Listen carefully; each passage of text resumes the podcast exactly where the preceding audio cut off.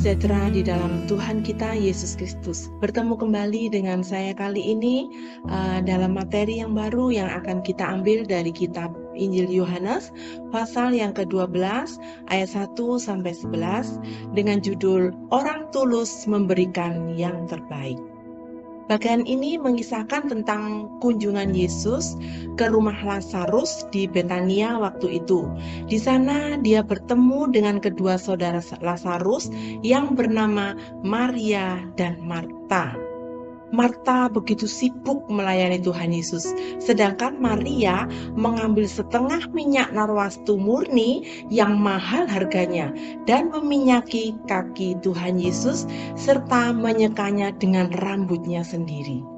Tindakan Maria ini membuat dia mendapatkan teguran atau protes dari si Marta dan juga dari Yudas Iskariot. Namun, Maria tidak memperdulikan teguran mereka Sebab apa?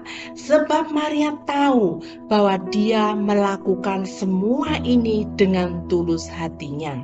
Bapak Ibu yang terkasih di dalam Tuhan, Allah mengendaki setiap kita dapat berlaku tulus dalam segala hal, seperti tulus berbicara, dalam bersikap, tulus memuji Tuhan, tulus dalam bekerja, dalam berpikir, tulus dalam menasehati, tulus dalam persahabatan, dan tulus dalam berhubungan dengan sesama manusia, dan tulus mencintai.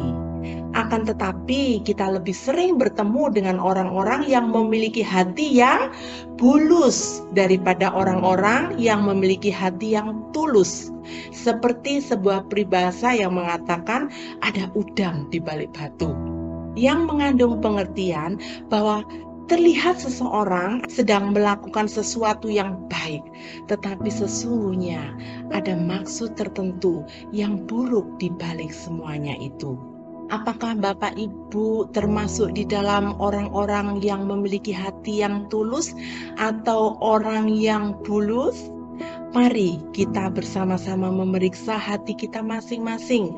Beberapa alasan yang membuat kita sering kali tidak dapat bersikap tulus adalah karena apa? Yang pertama, yaitu sikap egois yang ada dalam diri kita masing-masing. Dan yang kedua, karena kita ingin mendapatkan pujian atau kewibawaan daripada orang lain.